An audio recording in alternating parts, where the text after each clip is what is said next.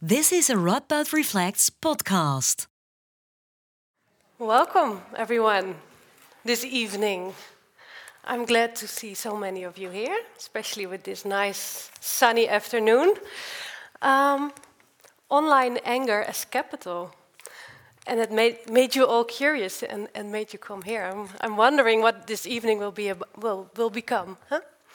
So, just a short question for you. Who has ever thought to himself, I want to use my smartphone less? Hands. Yeah? Yeah? Okay. Could you please state quickly has it been successful? no. Why not? Yeah. Yeah. Uh, similar problems? Yeah. Hands? Perhaps, who has felt it, it's, it's addictive. Yeah, I think so too. So, uh, what does this tell us? I hope we will get some answers tonight. Sort of why? Why is this like? Why do I? I, I feel like this phone is pulling at me. That's that's sort of the the bottom line. Where would I? So, then let's talk about anger. Who who who of you feels angry tonight? Hands up. Not so many. Okay, I'm glad. so um, yeah, so I'm, I'm also, but but I do think we, we recognize this eh, in, in, in, in, in debates and in the news. There's something about anger there, and I think that's uh, well, at least something that I question. I have questions with, and hopefully tonight we have we have some some coherent answer for ourselves, at least. So, well, uh, I won't take up your time too long. It's great pleasure that I'll introduce to you Joseph Vogl. I, um, I asked, how should I introduce you tonight? Well, first of all, I wasn't supposed to mention age. Second of all, our philosopher is male. So uh, those things we've got them covered. But uh, the most important thing is uh, he's a philosopher. He's a he's a professor of, of critical theory, I guess. Or well, there's many disciplines also in the book. We'll hear more about it tonight. Um, both at Berlin, both at Princeton, and let's see what he talks about tonight. So, with the, without further ado, have welcome Joseph.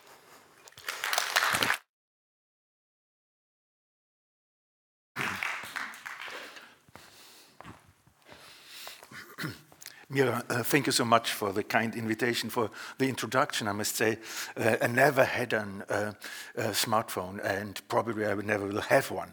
Um, but I'm, sometimes I'm very angry. Um, and um, today, I, I think I want to really talk about anger, but more about something which is called ressentiment, which is near to anger in a certain way. And uh, just to give you a, a, sort of warning sign, um, uh, I won't have a lot of answers. I will have a lot of questions or problems um, in the next um, uh, 20 to 30 minutes. I'll try to present some observations and theses concerning the relationship between capitalism on the one hand side and ressentiment on the other side, observation and thesis which I elaborated in my last book, which has the same title, Capital and Ressentiment. These links between capital, capitalism, and ressentiment, a very strong effect, imply a double thesis with which I want to open my remarks this evening. This is the thesis uh, that affects and emotions play a central role in the architecture of capitalist systems, of capitalist power.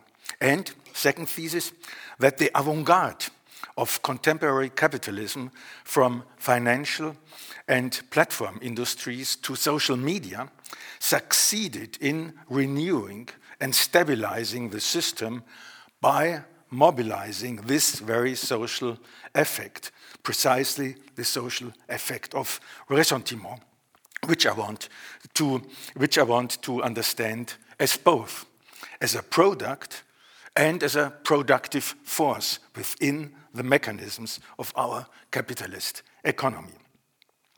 Before I have a closer look at these complex relationships, let me please make some preliminary remarks. And please, um, um, I apologize for my voice. Uh, the last COVID, it was the third time that I had COVID, uh, ruined my voice. So uh, it will be a difficult experience for me, but also for you. Um, to begin with, I want to remind that the concept of capitalism, when we talk about capitalism, which was coined by Werner Sombart and Max Weber around 1900, that this uh, notion of capitalism didn't refer to an economic system in a narrow sense. It embraces much more a conglomerate of heterogeneous elements which include not only modes of production, ownership structures, legal frameworks, business practices, political institutions, technical infrastructures, but also mentalities, passions, impulses, instincts, and drives. Something which could be called the irrational rationality of capitalist societies. So it seems to be interesting that since the 17th or 18th centuries, the Homo economicus, the economic man, not only was presented as a rational island in a confusing world, like the old brave Robinson Crusoe on his island. Rather, philosophers, moralists, writers observed a kind of anthropological revolution which transformed the zoon politikon, the social or political enemy, uh, animal, into a very toxic and antisocial type. Immanuel Kant, the philosopher, wrote about a new, I quote, unsociable sociability or a new society of devils.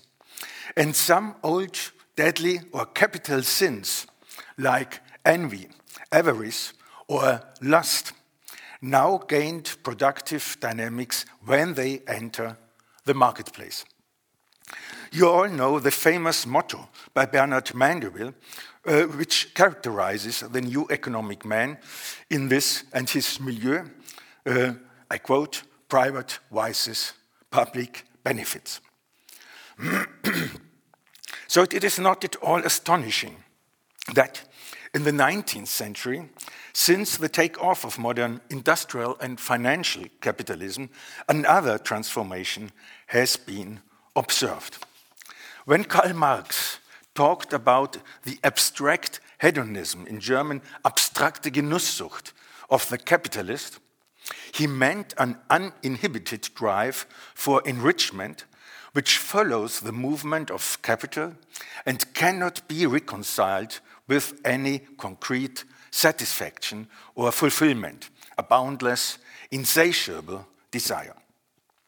And it seems to be very significant that at the same time, some authors discovered a new combination of the boundless economic desire with the old passion of envy.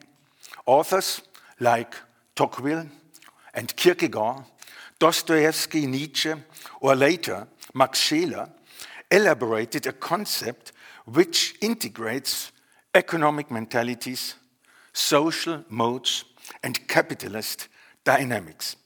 What Dostoevsky called the toxic mist of unsatisfied desire finally got the title of ressentiment.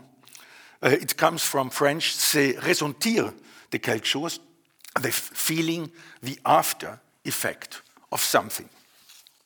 So, on the one hand, it was especially Friedrich Nietzsche who analyzed most prominently the elements of this affective apparatus with the following components saying no to the other, finding self affirmation only by negating the other, replacing action by reaction, reaction by inhibition, ending in a feeling of powerlessness.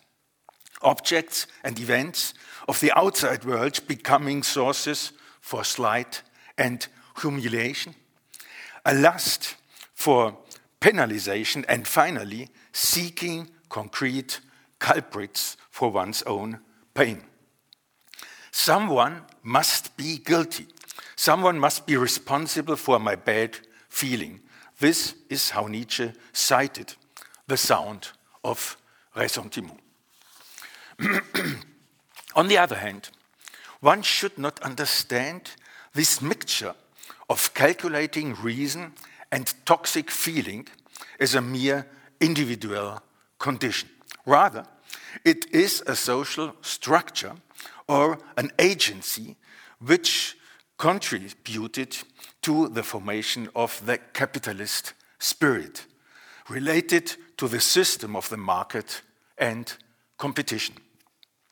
It was the German philosopher Max Scheler who identified in Ressentiment the effects of liberal capitalist societies, a kind of negative socialization, characterized by the tension between formal equality and material inequalities, by endless processes of evaluation and judging, by an excited and always disappointed desire for competition and comparison, by the phantasm of the other's enjoyment.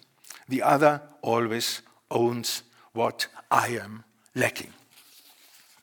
Kierkegaard put it in this way Ressentiment is, I quote, a negative unifying principle. It is, once more quote, the negative unity of the negative reciprocity of individuals. So, a completely negative socialization. Taking all these observations together, we can say that since the 19th century, there is evidence for a structural or functional relationship between capitalism, liberal societies, and this effect, social effect of ressentiment. But there is more. The recent historical and statistical research demonstrated that since the end of the 19th century, financial crises and crashes nearly always led to political polarization, to nationalist, xenophobic, or folkish movements. From the crisis of the Gründerzeit, 1873, to the crash of the 1920s, to the collapse of 2007 and 2008. Right wing movements and parties increased always up to 30%. You have it especially, and you see it after 2008. The Tea Party movement in the United States, including later Trump, the UKIP and the Brexit movement in Great Britain, the AFD in Germany, and so on. You can go all over Europe and see the, man, the same effects. This brings me back to my initial questions. Can we see can we reconstruct a more uh, or less systematic relationship between capitalist economy and the circulation of ressentiment? And more precisely, with the focus of our debates today, namely political polarization, a fragmented public sphere, hypercommunication, disinformation, and the storms of agitation in social media, can all these phenomena, which represent a danger for democratic rule, can these phenomena and the erosion of democracy be related to the dynamics of the most recent financial regime? Let me outline this relationship, this linkage, in some steps and in some short theses. First, the current platform and internet industry is a renewal of the most recent manifestation of a financial regime which took shape in the 1970s. One of the most important conditions of this development was the fusion of banking and financial businesses with information technologies. What is called financialization this means the dominance of financial transactions in the economic system wouldn't have been possible without the adaptation of finance to uh, information theory and electronic infrastructures. The first electronic platform was the private stock exchange Nasdaq, you know it all, founded in 1971. In 1993, the World Wide Web was opened for stock exchange and financial transactions. And today, 70%, 70% of financial businesses are processed by algorithms. Second, in the 1990s, we can realize the emergence of something which must be called internet exceptionalism, a privilege of some business models spreading from United States over the rest of the world. One aspect was guaranteed by the American Telecommunications Act from 1996. This act pursued the deregulation of the telecommunications market. It privileged private investors compared to public institutions and delivered a death blow, a coup de grace to the public domain of network communications, a ruthless privatization of the internet. A second measure had even uh, more consequences and created the legal base for new internet companies, platform industry, and the takeoff of the so called social media. And this is a very important legal decision. It was also in the year 1996 the famous Section 230 of the American Communications Decency Act, which, in response to controversial legal cases, represented a radical, a radical break. You probably know the consequences which determine the quality of worldwide communication behavior up to today.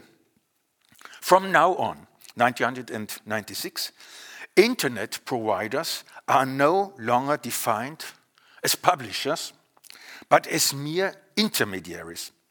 And this means, as neutral mediators or brokers, they are freed, referring to the First Amendment of the American Constitution, they are freed from any responsibility for posted, offered, published, and circulating web content. I quote the legal text of this um, section 230. I quote No provider or user of an internet computer service shall be treated as the publisher or speaker of any information provided by another information content provider. Unquote. In plain text, this means now irresponsibility against published content became the motor for new businesses and profit. In other words, who publishes now is not responsible, but who is responsible for content does not publish. This is the paradox of social media. Third, on the one hand, these conditions created the attractiveness of internet providers for financial investors. And this attractiveness was reinforced by some other very profitable circumstances concerning these companies of a new economy. For example, the outsourcing of cost, costs for all varieties of fixed capital. Network effects, this means more user generate more users.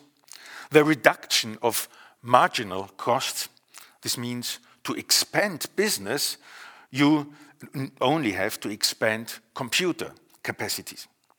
The externalization of labor by means of freelancers, contractors, subcontractors. And last but not least, and very important, the transformation of information into commodities, which leads to procedures of digital expropriation. With any movement in the internet, with the use of any free app, with any communication or Google search, we produce raw material, data, and metadata, which are owned and refined by private companies for the purpose of profit maximization. Against this background, it is no surprise that these internet companies demonstrate a tendency to the so called disruption, to destroy markets, to monopolize, a tendency which accelerated with the market adjustments after the crisis of 2000 and 2008. And all these criteria and conditions are reasons why companies like Apple, Google, Facebook, etc., are the most expensive um, companies worldwide, and why, for example, Uber and Airbnb are more valuable in stocks exchange than, for example, BMW or Hilton International.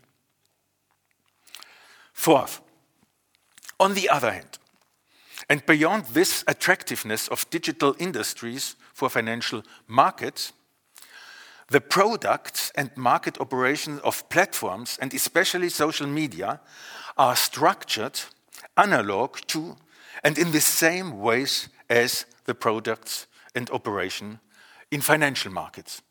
Here and there, we have data brokerage, we have algorithmic market operations, we have reinforced feedback loops, automatic response cycles, machine based evaluation of relevance, and so on.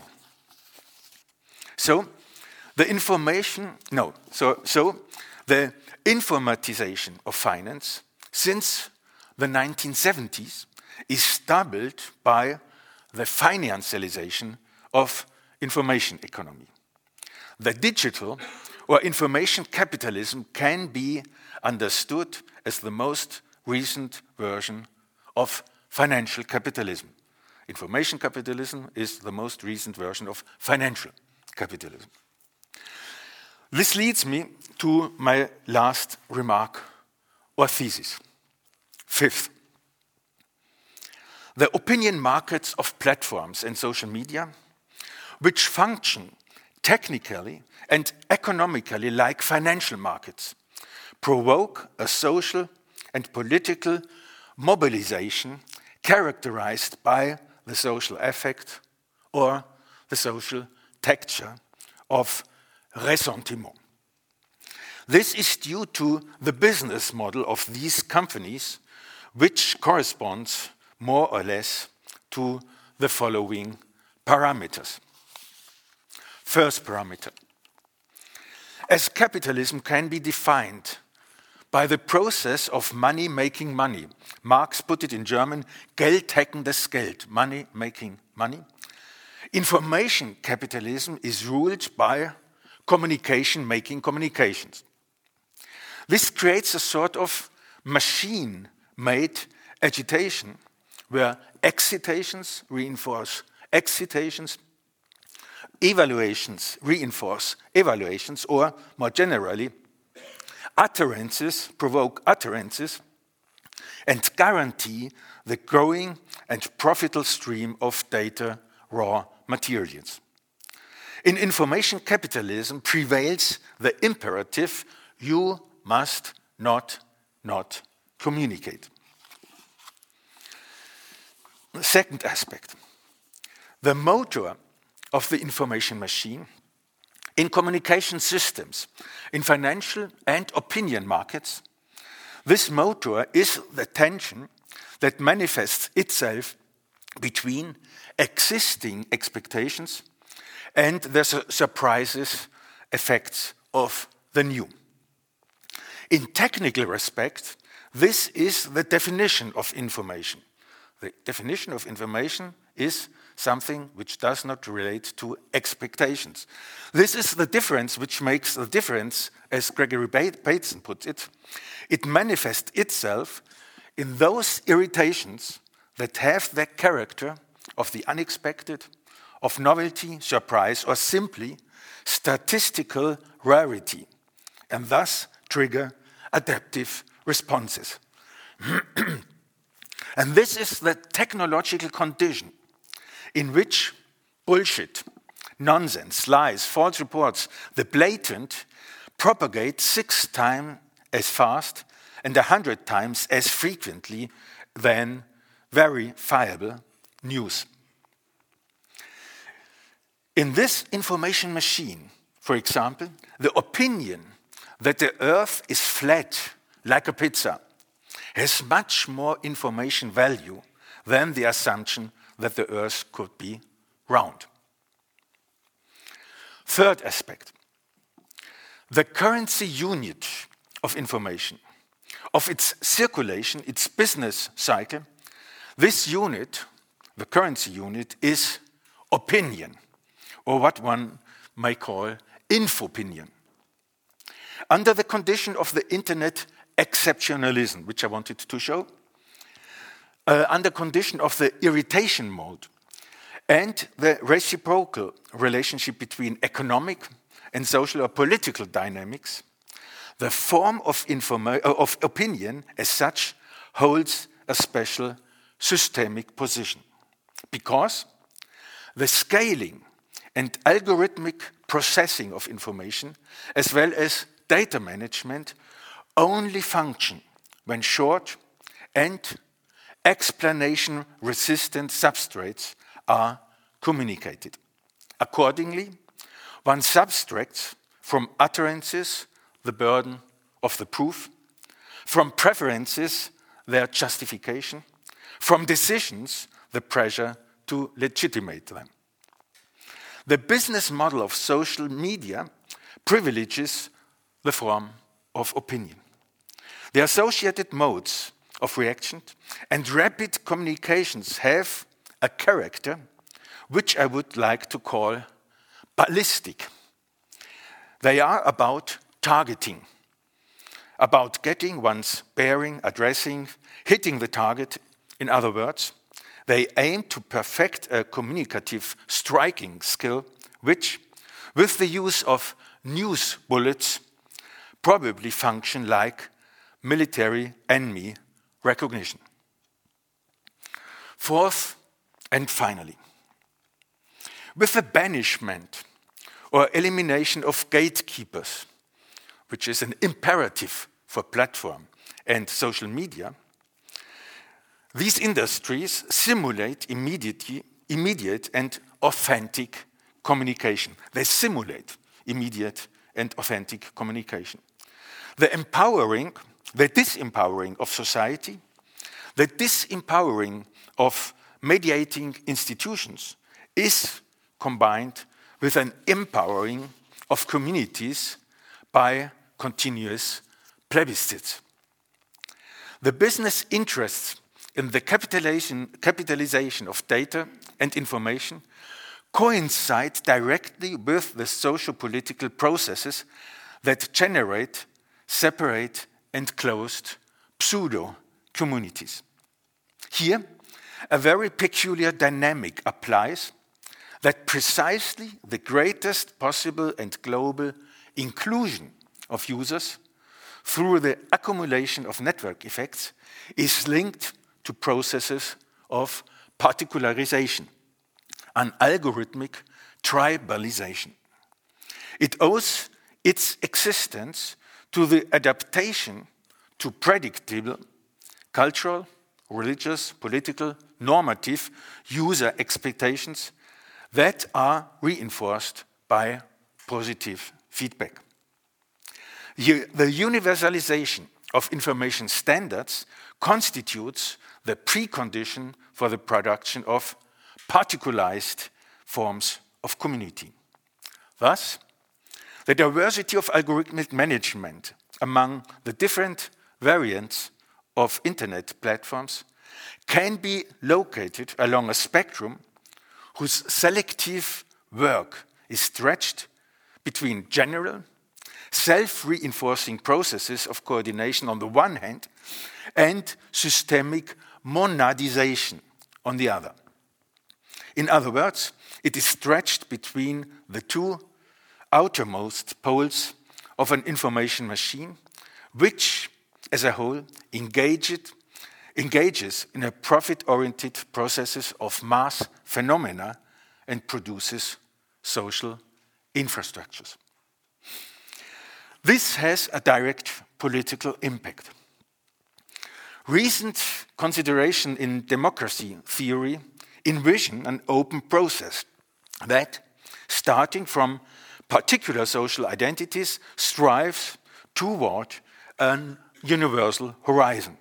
Here, the self seclusion of the particular is, to, is to, uh, to be undermined just as rigorously as the permanent occupation of the universal by particular interests. In contrast, however, to these considerations in democracy theory, an opposite movement is actually taking place under the logic of information capital. The generality of codes and information is thereby confronted by a process that culminates in self contained social monads, and the universalization of information capital is guaranteed precisely by producing disconnected particularities. Thus, it is no longer a matter of how particular identities open up democratically towards an universal horizon, but conversely, of how globally effective, uh, globally effective capital movements bring about an idiocratic, an idiocratic intensification of power. They reproduce themselves by producing anti democratically divergent, competing, and conflicting particularities. Let me conclude. The entanglement of capitalism and ressentiment, and you can even add anger, promotes the competitive system supplies the opinion markets and fuses with evaluative automatisms. It generates affective and cognitive segregations, multiplies the number of conflicting pseudo communities, and privileges plebiscitary politics. Moreover, it turns the worry about global markets, transnational finance, and economic dependencies into tangible denunciations that disseminate, disseminate various figures of hostility, from migrants and refugees to European bureaucrats, greedy investors, or conspirators in the financial industry. The hostility of all against all today created not only an extremely sustainable corporate feeling, but has also become a very successful business model. Thank you for your patience.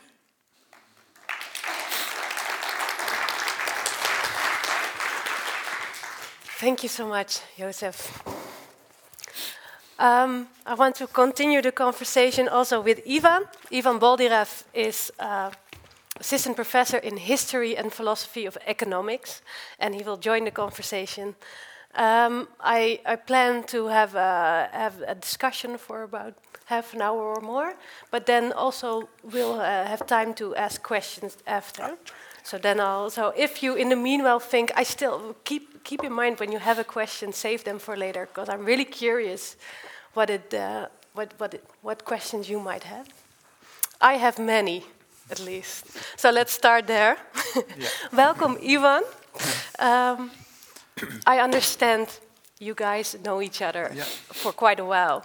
Could you uh, introduce how you guys uh, met and uh, yeah, uh, uh, in 2011, or I think, yeah, in the beginning of 2011, I wrote a letter to Joseph, uh, who never met me, uh, but uh, really believed uh, in the actually bullshit that I wrote there in my dissertation proposal, and um, actually invited me to uh, Berlin and uh, well, uh, then I produced, I got into colloquium, and uh, when we were discussing, but that was not about economics. So, how, how perhaps you could also tell us how you both uh, made the step to economics and uh, ec financial theory? or Yeah probably, yeah. I think there are several uh, reasons to do it. You know, uh, in, uh, in my formation, I, am uh, in literary studies, in philosophy.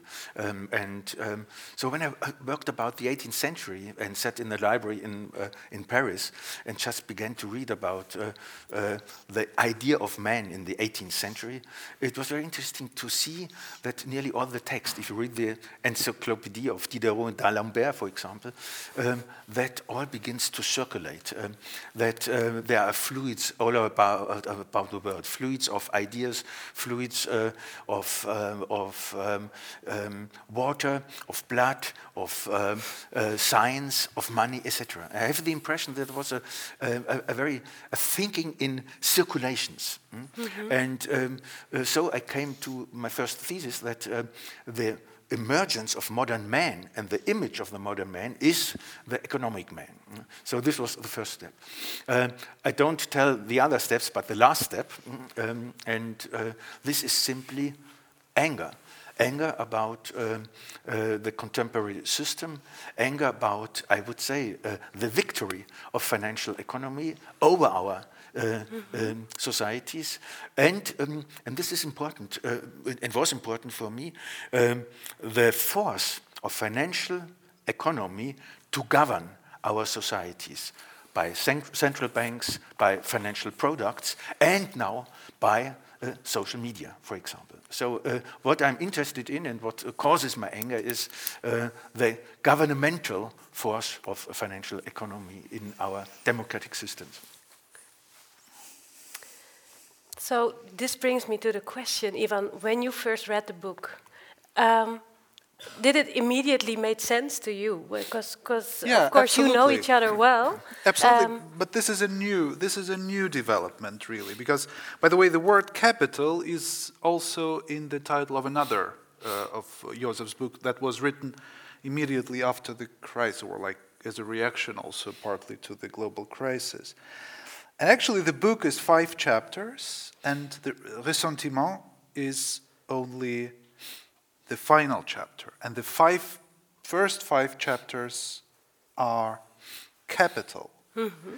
And this is what I found really uh, uh, fascinating and uh, new and really interesting that, that was in much detail worked out the idea that interests me a lot as well the idea of economics, economization, and the role of the economic in our lives. And this is basically, this is really, really very, very important and uh, is a specific feature of the book. Mm-hmm. Um, in at least three aspects. One aspect uh, is political.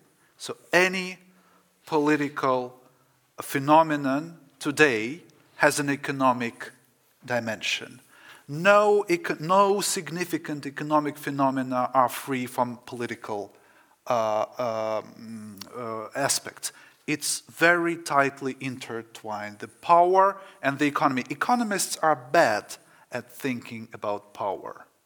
Power is not really a part of economic theory uh, economic agents meet somehow, there is demand, supply, and in the end, it kind of, but there is no place to, so, for power there. So, so, you feel there are two things are brought together in Joseph's book that that that they the domains in itself lack of of acknowledging. Yeah. Perhaps. Yeah. And the, economists don't see political philosophy or, or and then the political philosophy lacks uh, financial or economy economical theory, you, would say, or contemporary critical theorists have no idea of what current economics is about. This book has.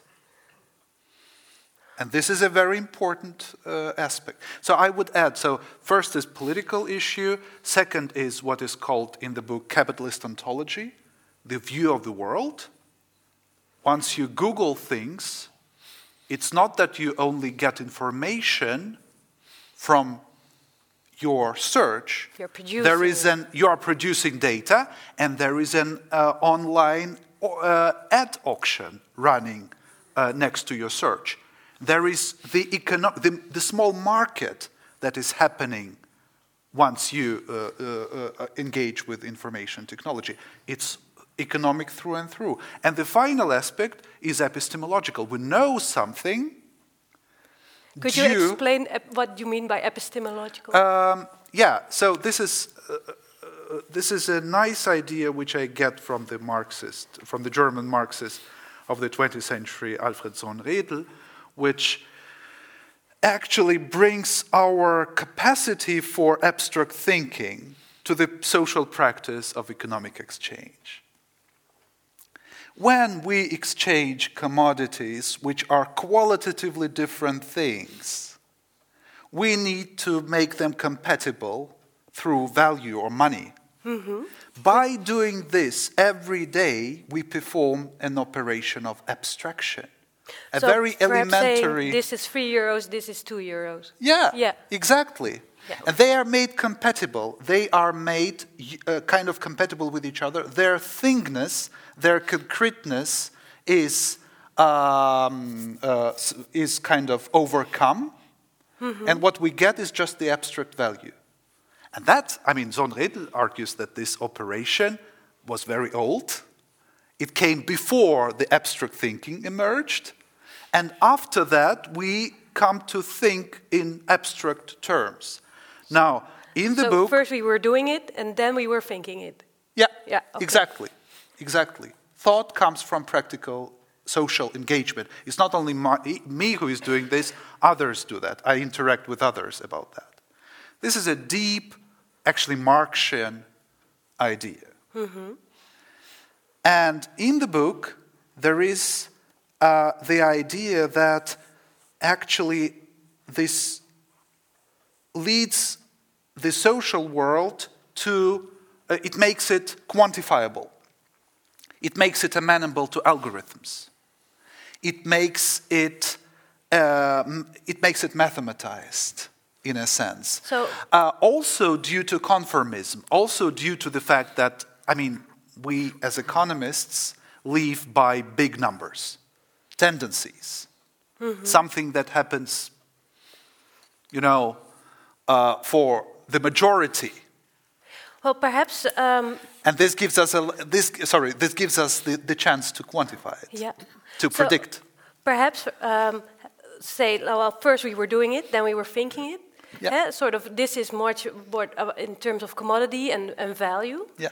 So perhaps, Joseph, could you, and I think this is crucial part of your book, eh, is, is sort of how we got from there to uh, information theory. Sort of, um, if I understand it correctly, sort of, it's crucial to understand how, because I know you don't prefer digitalization, eh? you talk about informatization. And perhaps could you say a bit about how we should understand that that the, how the former relates to this information theory uh, bringing us here, sort of. It's, uh, it's not very easy to explain, but uh, first, I think it's important to see that um, uh, the theories of financial markets, and it is important, I'm talking about financial markets, not about economy, uh, uh, uh, the rest of the economy. It's financial economy. Um, it very, it's very interesting that since uh, the 1960s, uh, the theory of financial markets is transformed or was transformed to theory of information. And this means that first thesis that um, the market provides all information which is necessary to make business. Mm? This means, second, this, that every agent has access to this information. And third, that information is simply this difference, uh, which I mentioned, between expectation and change. And fourth, that if you see an opportunity in the market, in financial market, you take it. And sixth, that this whole creates a certain um, balance, creates equilibrium. Uh, so, uh, in the center of modern financial theory is information theory. And this was, and this is uh, another important aspect, was the condition to implement financial procedures, financial businesses, transactions to um, digital technologies, to automate simply. And this means if you uh, machines buy and sell, 70% of financial markets are uh, realized, are actualized, are affected by machines, by algorithms. And you can only automatize this market if you don't hesitate about an asset. You don't research if an asset is good or bad, whatever. The only important thing is the difference of information. And this means that these automized financial markets function like opinion markets. You must not have any knowledge. Machines buy and sell in um, uh, milliseconds. This is the new condition uh, which emerged in the 1960s with new theories and was implemented in the 19th in the internet or digital uh, network systems. Yeah, so, so if, if I understand correctly, yeah, the, the, the difference between um, information and knowledge, so to say, is information is, is, is, is just an improbability or, or, or difference, basically. Yep. While knowledge is something more sustained and acquired uh, and experimented process, right? Mm. So um, this, this, this, what, what I try to understand, well, I, I see why our opinions creates a sort of this, this economy, but then when um, what, what stands out to me when I hear this is, is also this uh, that, that, that it, it's mostly our agitation that it feeds on. Well, I would say, well, why not, if, if it's an element of difference and surprise, why it's not cele celebration or, or surprise as in a positive thing, right? So, why does it so much have to do with a, a difference as a different opinion as a negative thing? uh, negative evaluation of something. I didn't say it's uh, uh simply no. negative. Uh, first, I say um, the imperative is uh, stay in the net, uh, produce data and metadata, so work for the production of raw materials. and this is a very interesting situation. probably you know, everybody knows the, the, the, the notion of surplus, surplus work. Uh, you work more than, um, uh, than you earn uh, yeah, in a certain way. And the interesting situation in the internet is that you produce surplus value without working. Even if you have fun in the internet, etc., you work for these industries. Hmm? Um, uh, first point. Um, so uh, it's simply um, uh, create situation where you don't want to leave your occupation in the net. Uh, yeah. uh, the next film, the next uh, video, the next uh, whatever, uh, post, etc. Um, but what I wanted to show that uh, this is a sort of um, creates a certain social infrastructure. This creates a social infrastructure in which uh, we have a certain excitation of machines. So our effects are not our effects, these are the effects of machines. They mobilize. They mobilize reactions and reactions of reactions, etc. And uh, last point, um, uh, this functions only if you create um, a set of groups, a set of communities which are organized by some likes, um, uh, likes of um, uh, taste, of um, um, cosmetic products, of religion, of political favorites, etc. So, this means so there needs to sort of uh, these. You need to have these pseudo communities yeah. that that appear that for to keep people in there, basically. Yeah. yeah, because it functions only by uh, majori- uh, by creating these pseudo communities. Uh, only um, uh, if you create these pseudo communities, you have the stuff to target them. For example, for publicity, for um, advertising, Mm. and this means the polarizing and particularizing of uh, society is the business model itself. It's not good or bad, it's only the structure of this um, particularized um, um, communities which only can create public or target for advertisement. I, I see a, a big.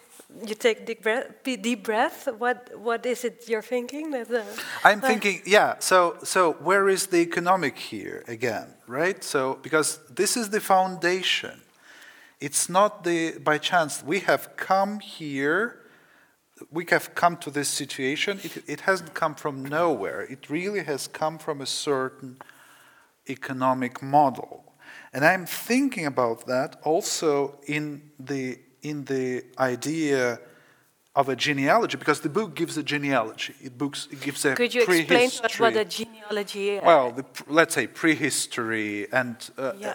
uh, uh, exploration of origin. yes. So sort of how does this come to be? Yes, Yeah, yeah. exactly, exactly. And uh, I was astonished also because when I was thinking about that, that was really very interesting. Um, one of the problems of the capitalism, as it is criticized in this book, but also by other authors, is really the uh, problem of, you know, that the capitalism creates um, inequality and is a threat to democracy. So this is basically uh, claims that are made in the book, but these are claims made also in broader literature, right? And uh, I was thinking about that when we come back in history to, let's say, 1950s, where the theories of democracy were, um, or generally of political uh, decision making, were formulated, market was really uh, a parallel to democracy. Market was an economic name for democracy. Because in markets we compete, in democracies we also compete, right? The policymakers or the, the politicians should compete. So, markets were an economic counterpart to democracy. But economists knew long before that that unrestrained competition leads to monopoly. Mm-hmm. And the book explains quite nicely a very important feature of contemporary uh, online economy, IT economy, what economists call increasing returns to scale. You increase production, and the costs per unit decrease. They are basically zero. To get another Facebook user, to get another Twitter user, costs nothing for Twitter or Facebook. And this is a decisive technological feature of this type of market network affects all other things. Now, how come, how do we come from this markets as democracy to markets as threats to democracy? Yeah. in other, uh, in other also uh, parallel development, how do we come to monetary economy as something agents wants for certainty? Because money is what gives you certainty. Money is the most liquid asset. You can exchange it all the time. Try to exchange your commodity, it will be much more difficult. How do we come from this certainty to the increased uncertainty of modern financialized economy, where So which if- is if plagued by instabilities? yeah. So I think That if- was my question. oh, it's a question. Yeah. So, and is this the question that arises Yeah, when reading the book? yeah. It's basically it's the, the historical question. So how do we how do we trace that? I think the books Yeah, well, within there, I feel that the um, this development uh, and, and, and what, what, what is seen as a sort of uh, um, a, well, we've spoken. Uh, there's been spoken about sort of this individualization, individualization. There's scarcity. Everything's for sale. Eh? Each to its own. Neoliberalism is a loss of solidarity. Yeah? Sort of the, we're individual. So um, I try to understand how does this this development now also end up with this, as you say, uh, a lust for penal, penalization. Eh? Sort of, who am I to blame for this? Uh, for for and and and then if it ties into your question, perhaps. Um, what is it that I, I've lost along the way that I need penalization for? Is then my question. Mm. Perhaps you could help answer that. so uh, let me give you two, two examples simply to, to make it more concrete. Um, the crisis uh, at the end of the um, um, 19th century which began in Germany, 1873, the so-called Gründerzeit, the founding time crisis. This was a financial crisis, banking crisis, uh, coming from Austria and Germany and spread all over Europe. Um, and um, the effect of this crisis was a harsh criticism against capitalism, but not only a criticism of capitalism, but of financial capitalism, uh, a criticism of the circulation sphere, and finally, and this was the impact of resentment, of the Jewish banker. And you see in Austria, in France, in Germany, all over Europe, uh, the emergence of uh, new anti Semitic um, parties, which were on the one hand liberal, this means capitalist, and on the other hand, anti Semitic. So blaming the Jewish banker was a certain kind of rescue of capitalist uh, system. To sustain and it. To sustain it. And yeah. I give you another example which is uh, um, probably uh, nearer to our experience. It's Brexit. Yeah. Uh, if I may explain it. Please do. It was yeah. very interesting that um, financial economy, this means big banks, uh, for example, now bankrupt um, uh, uh, uh, Credit Suisse, for example, JP Morgan, Deutsche Bank, etc., all located in London.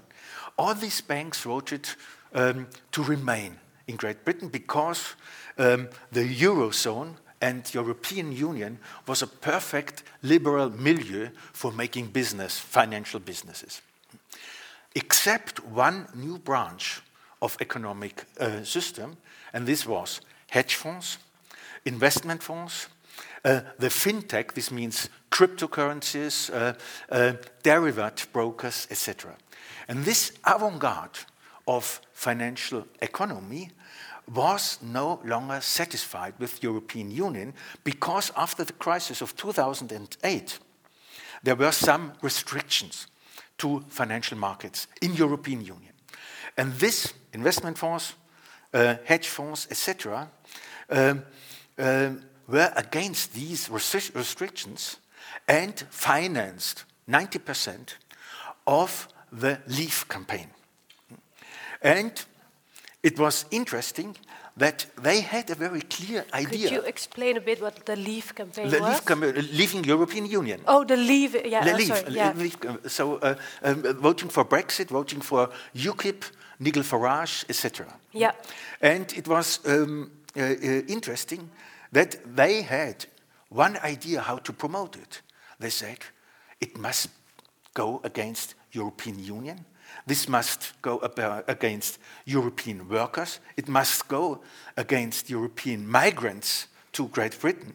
It must uh, work against strangers. So it was a xenophobic campaign which was explicitly installed to um, uh, win the losers of British neoliberal politics to gain them for Brexit and to gain them for supporting international financial economy. This was uh, the best cooperation between resentment on the one hand side and the avant garde of um, um, financial capital in Great Britain. And the effect, you have it now. Uh, uh, the people who voted, the losers, mm, are much more uh, poorer than before. And now uh, uh, London is the biggest um, place for uh, derivatives, for fintech, for cryptocurrencies, etc. So it had a certain access. Even if Great Britain is going down economically, the financial industry is rising up. And how do, uh, but it, for me, unfamiliar with these type of theories, it's very difficult to see the immediate relations between those those type of banking and, and, and, and the, the, the, the, position of the work, working class families and, and how they their resentment is sort of their their the xenophobia is used sort of to, to sort of get the banking position there. It's, it's not, not so no, simple. Not, exactly. Not so simple. No, but uh, you know, after Second World War, I think it was a, a global consensus between Europe and United States, but also Japan, etc., um, to um, um, um, uh, take measures against a wild capitalism in which financial crisis in the 20s uh, led to economic crisis and led to fascism. Uh, so it was very clear you have to tame capitalism. It was even uh, in liberal minds, it was clear that after Second World War we have to tame um, uh, capitalism by what is called in Germany uh, soziale Marktwirtschaft, social market economy. Um, but after the first economic crisis, end of the 60s, beginning in the 70s, this system became to be unstable. And suddenly, there were new options of making business. And this was international derivatives for currencies, for, ex for example. And uh, you know uh, the reforms, so called reforms by Thatcher and Reagan, um, uh, which aimed in two directions. One direction was to um, liberalize financial markets on the one hand, and on the other hand, to destroy unions, uh, trade unions. This means to destroy um, solidarity milieus. Mm -hmm. uh, and the destruction of uh, solidarity milieus is one of the most important sources, resources of resentment. That now I see how they tie in together more clearly. Thanks. Um, tying into this, I want to uh, jump back to you, Ivan. Yeah. Perhaps could you just to help uh, give the audience an idea read perhaps the last sentence of the book because I think that really. Uh, I don't know if you oh have the yeah. English version here. Otherwise, I could uh, have one. Yes, this is the English version. And because also I know it is sort of uh, yeah. gave you sort of an unheimlich uh, ending as well, right? Oh yes, I was astonished when I kind of uh, yeah. Final. So the it is not impossible that it will provide the ferment for a new pre-war era, and it's written in October 2020.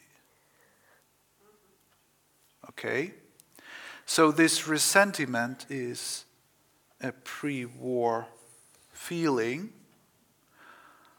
And then the actual war began,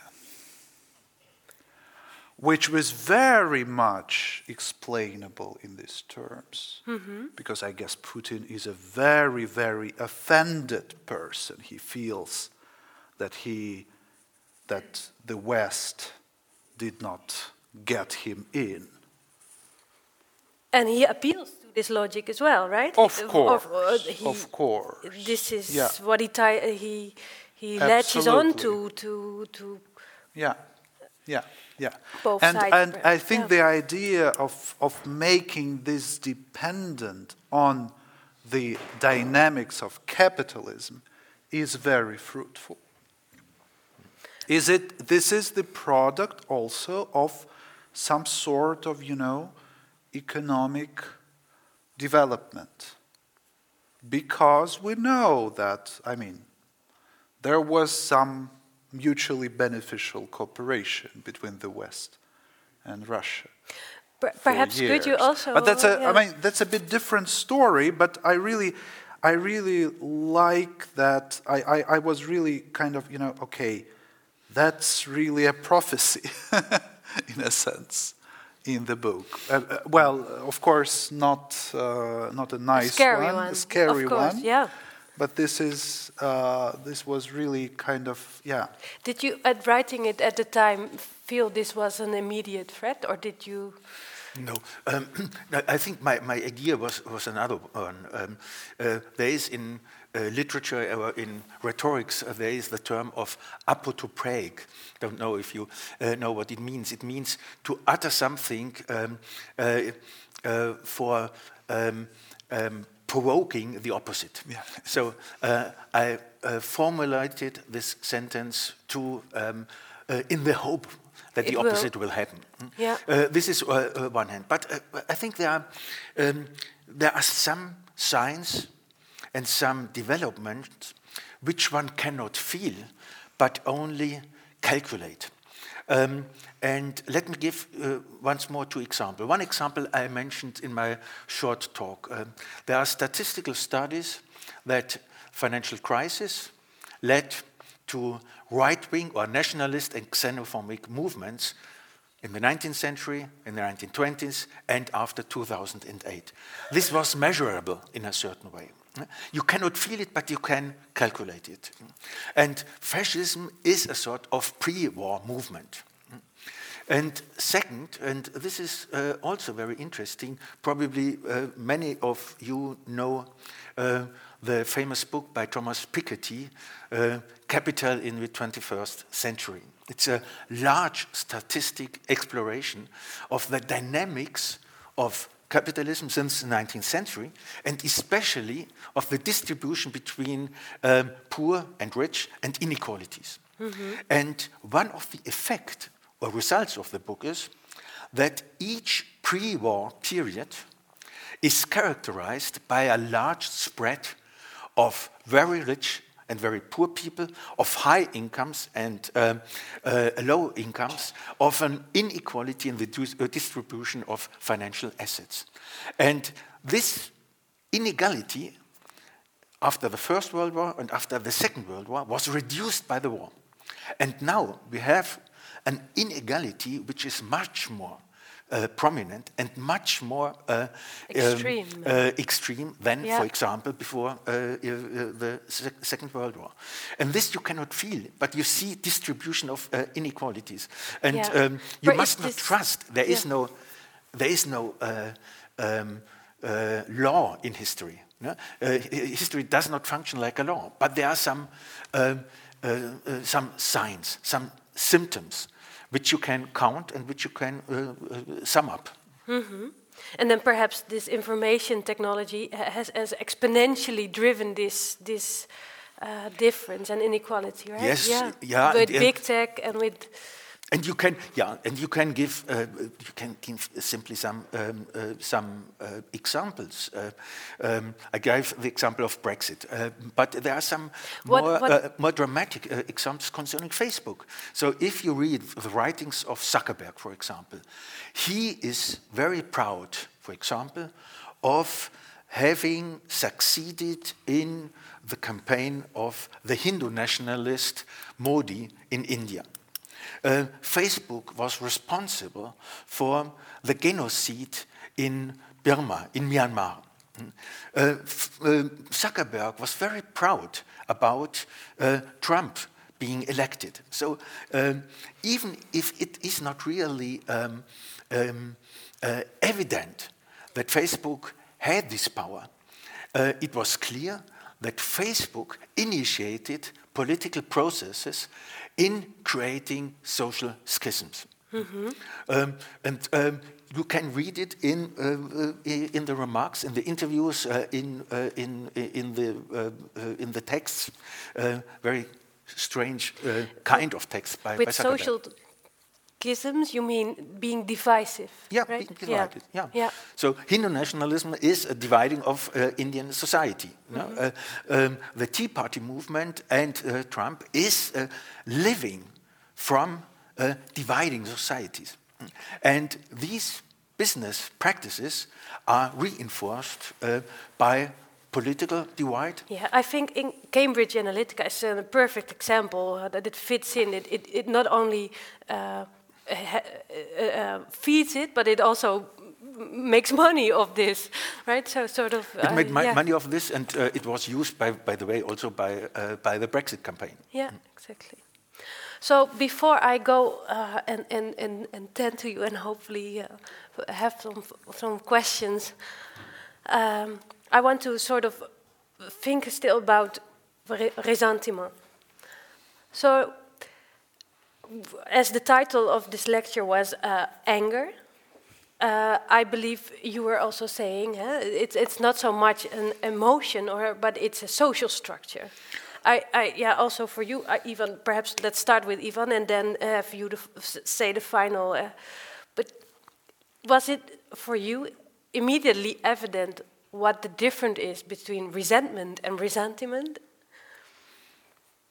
Oh, that's. Uh, There's a difference. There is some difference. As far as I know, the, the word resent.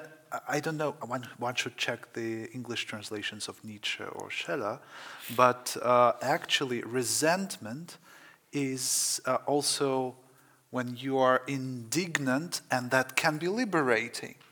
That can be also a revolutionary feeling. I feel injustice and I protest about this from this injustice.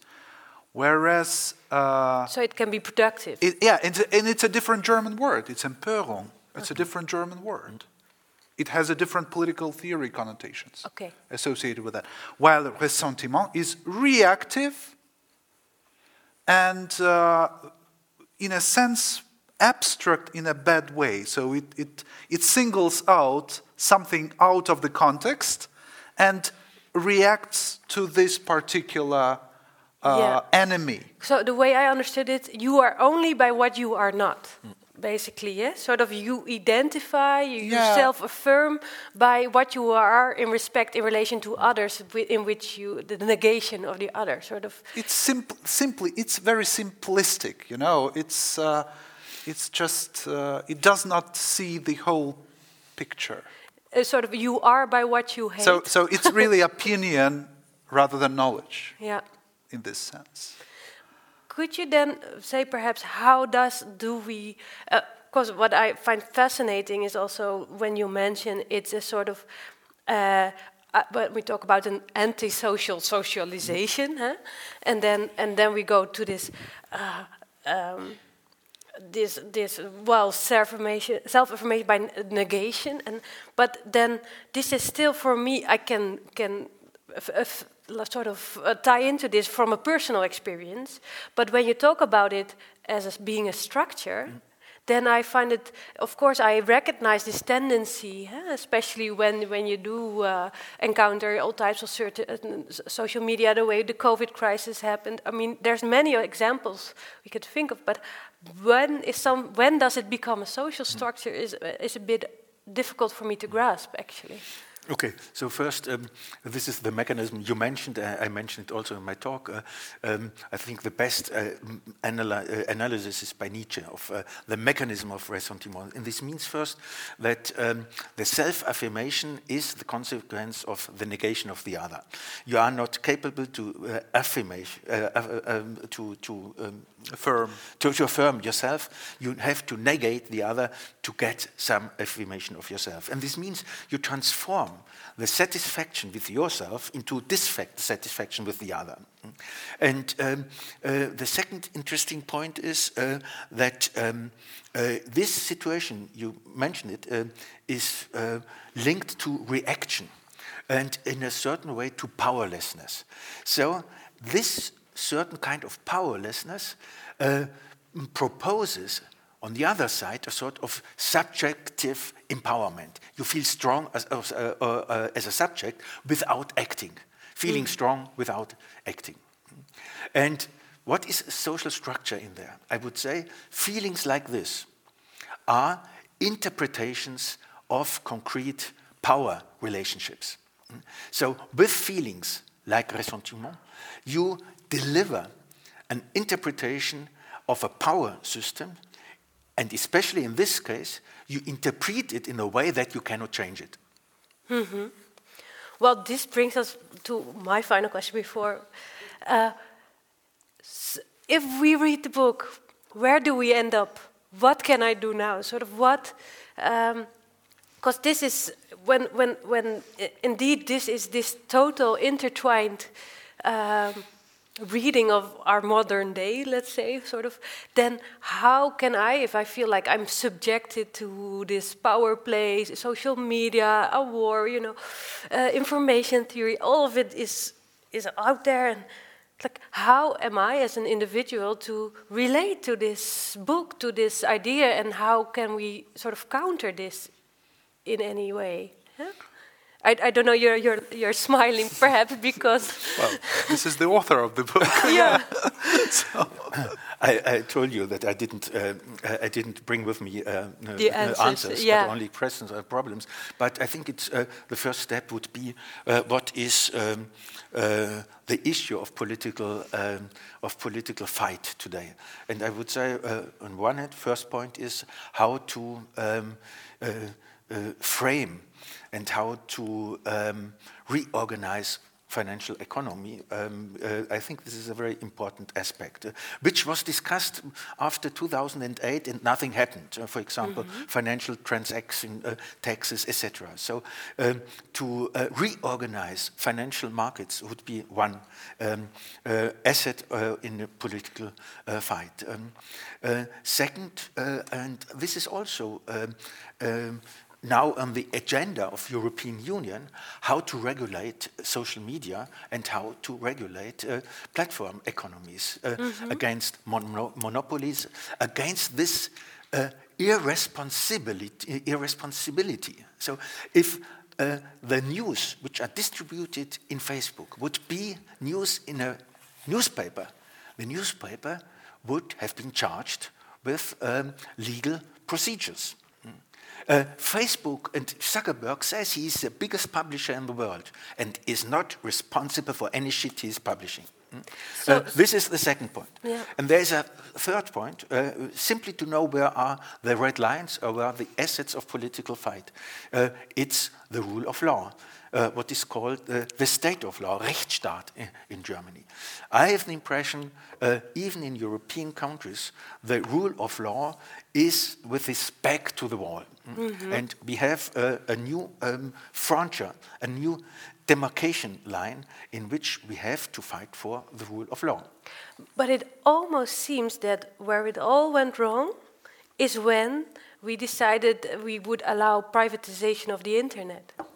And that, that, that, that, that it should be a public sphere. Yeah, so. so uh, it was a public sphere. It was until uh, 1996 there was a public sphere. It was communication between American research institutions, universities, libraries, etc. And um, uh, it was uh, uh really a bipartisan decision to privatize uh, and to uh, privilege private investors against public institutions. and this was a decision with far-reaching consequences. If I, I may add uh, uh, just one more yes, thing, yeah, just wanted. I mean, this, the easy solution, if you're really critical and skeptical, would be just to delete all your social media, go off grid. But this, I guess, is not realistic. So I am really, I follow Hölderlin here, who said that the danger is something that also brings salvation uh, social media platforms are markets now. Markets are part of our societies, so we have to engage with them. And the solution, if it comes, comes from them, from inside. It doesn't come from banning them, destroying them, limiting them. It comes from transforming them from inside. And these are the new forms to come. I have no idea which, but they should come. Thank you, Joseph, for, for, for your time and effort of coming here and for uh, talking about your book. I, uh, I enjoyed it a lot. Thank you, Ivan, for, uh, for, for sharing your thoughts as well. Uh, a lot to tend to still. Uh, thank you so much. I would uh, ask you for a big applause for Joseph for he returns back to Berlin. Thank you. Thank you.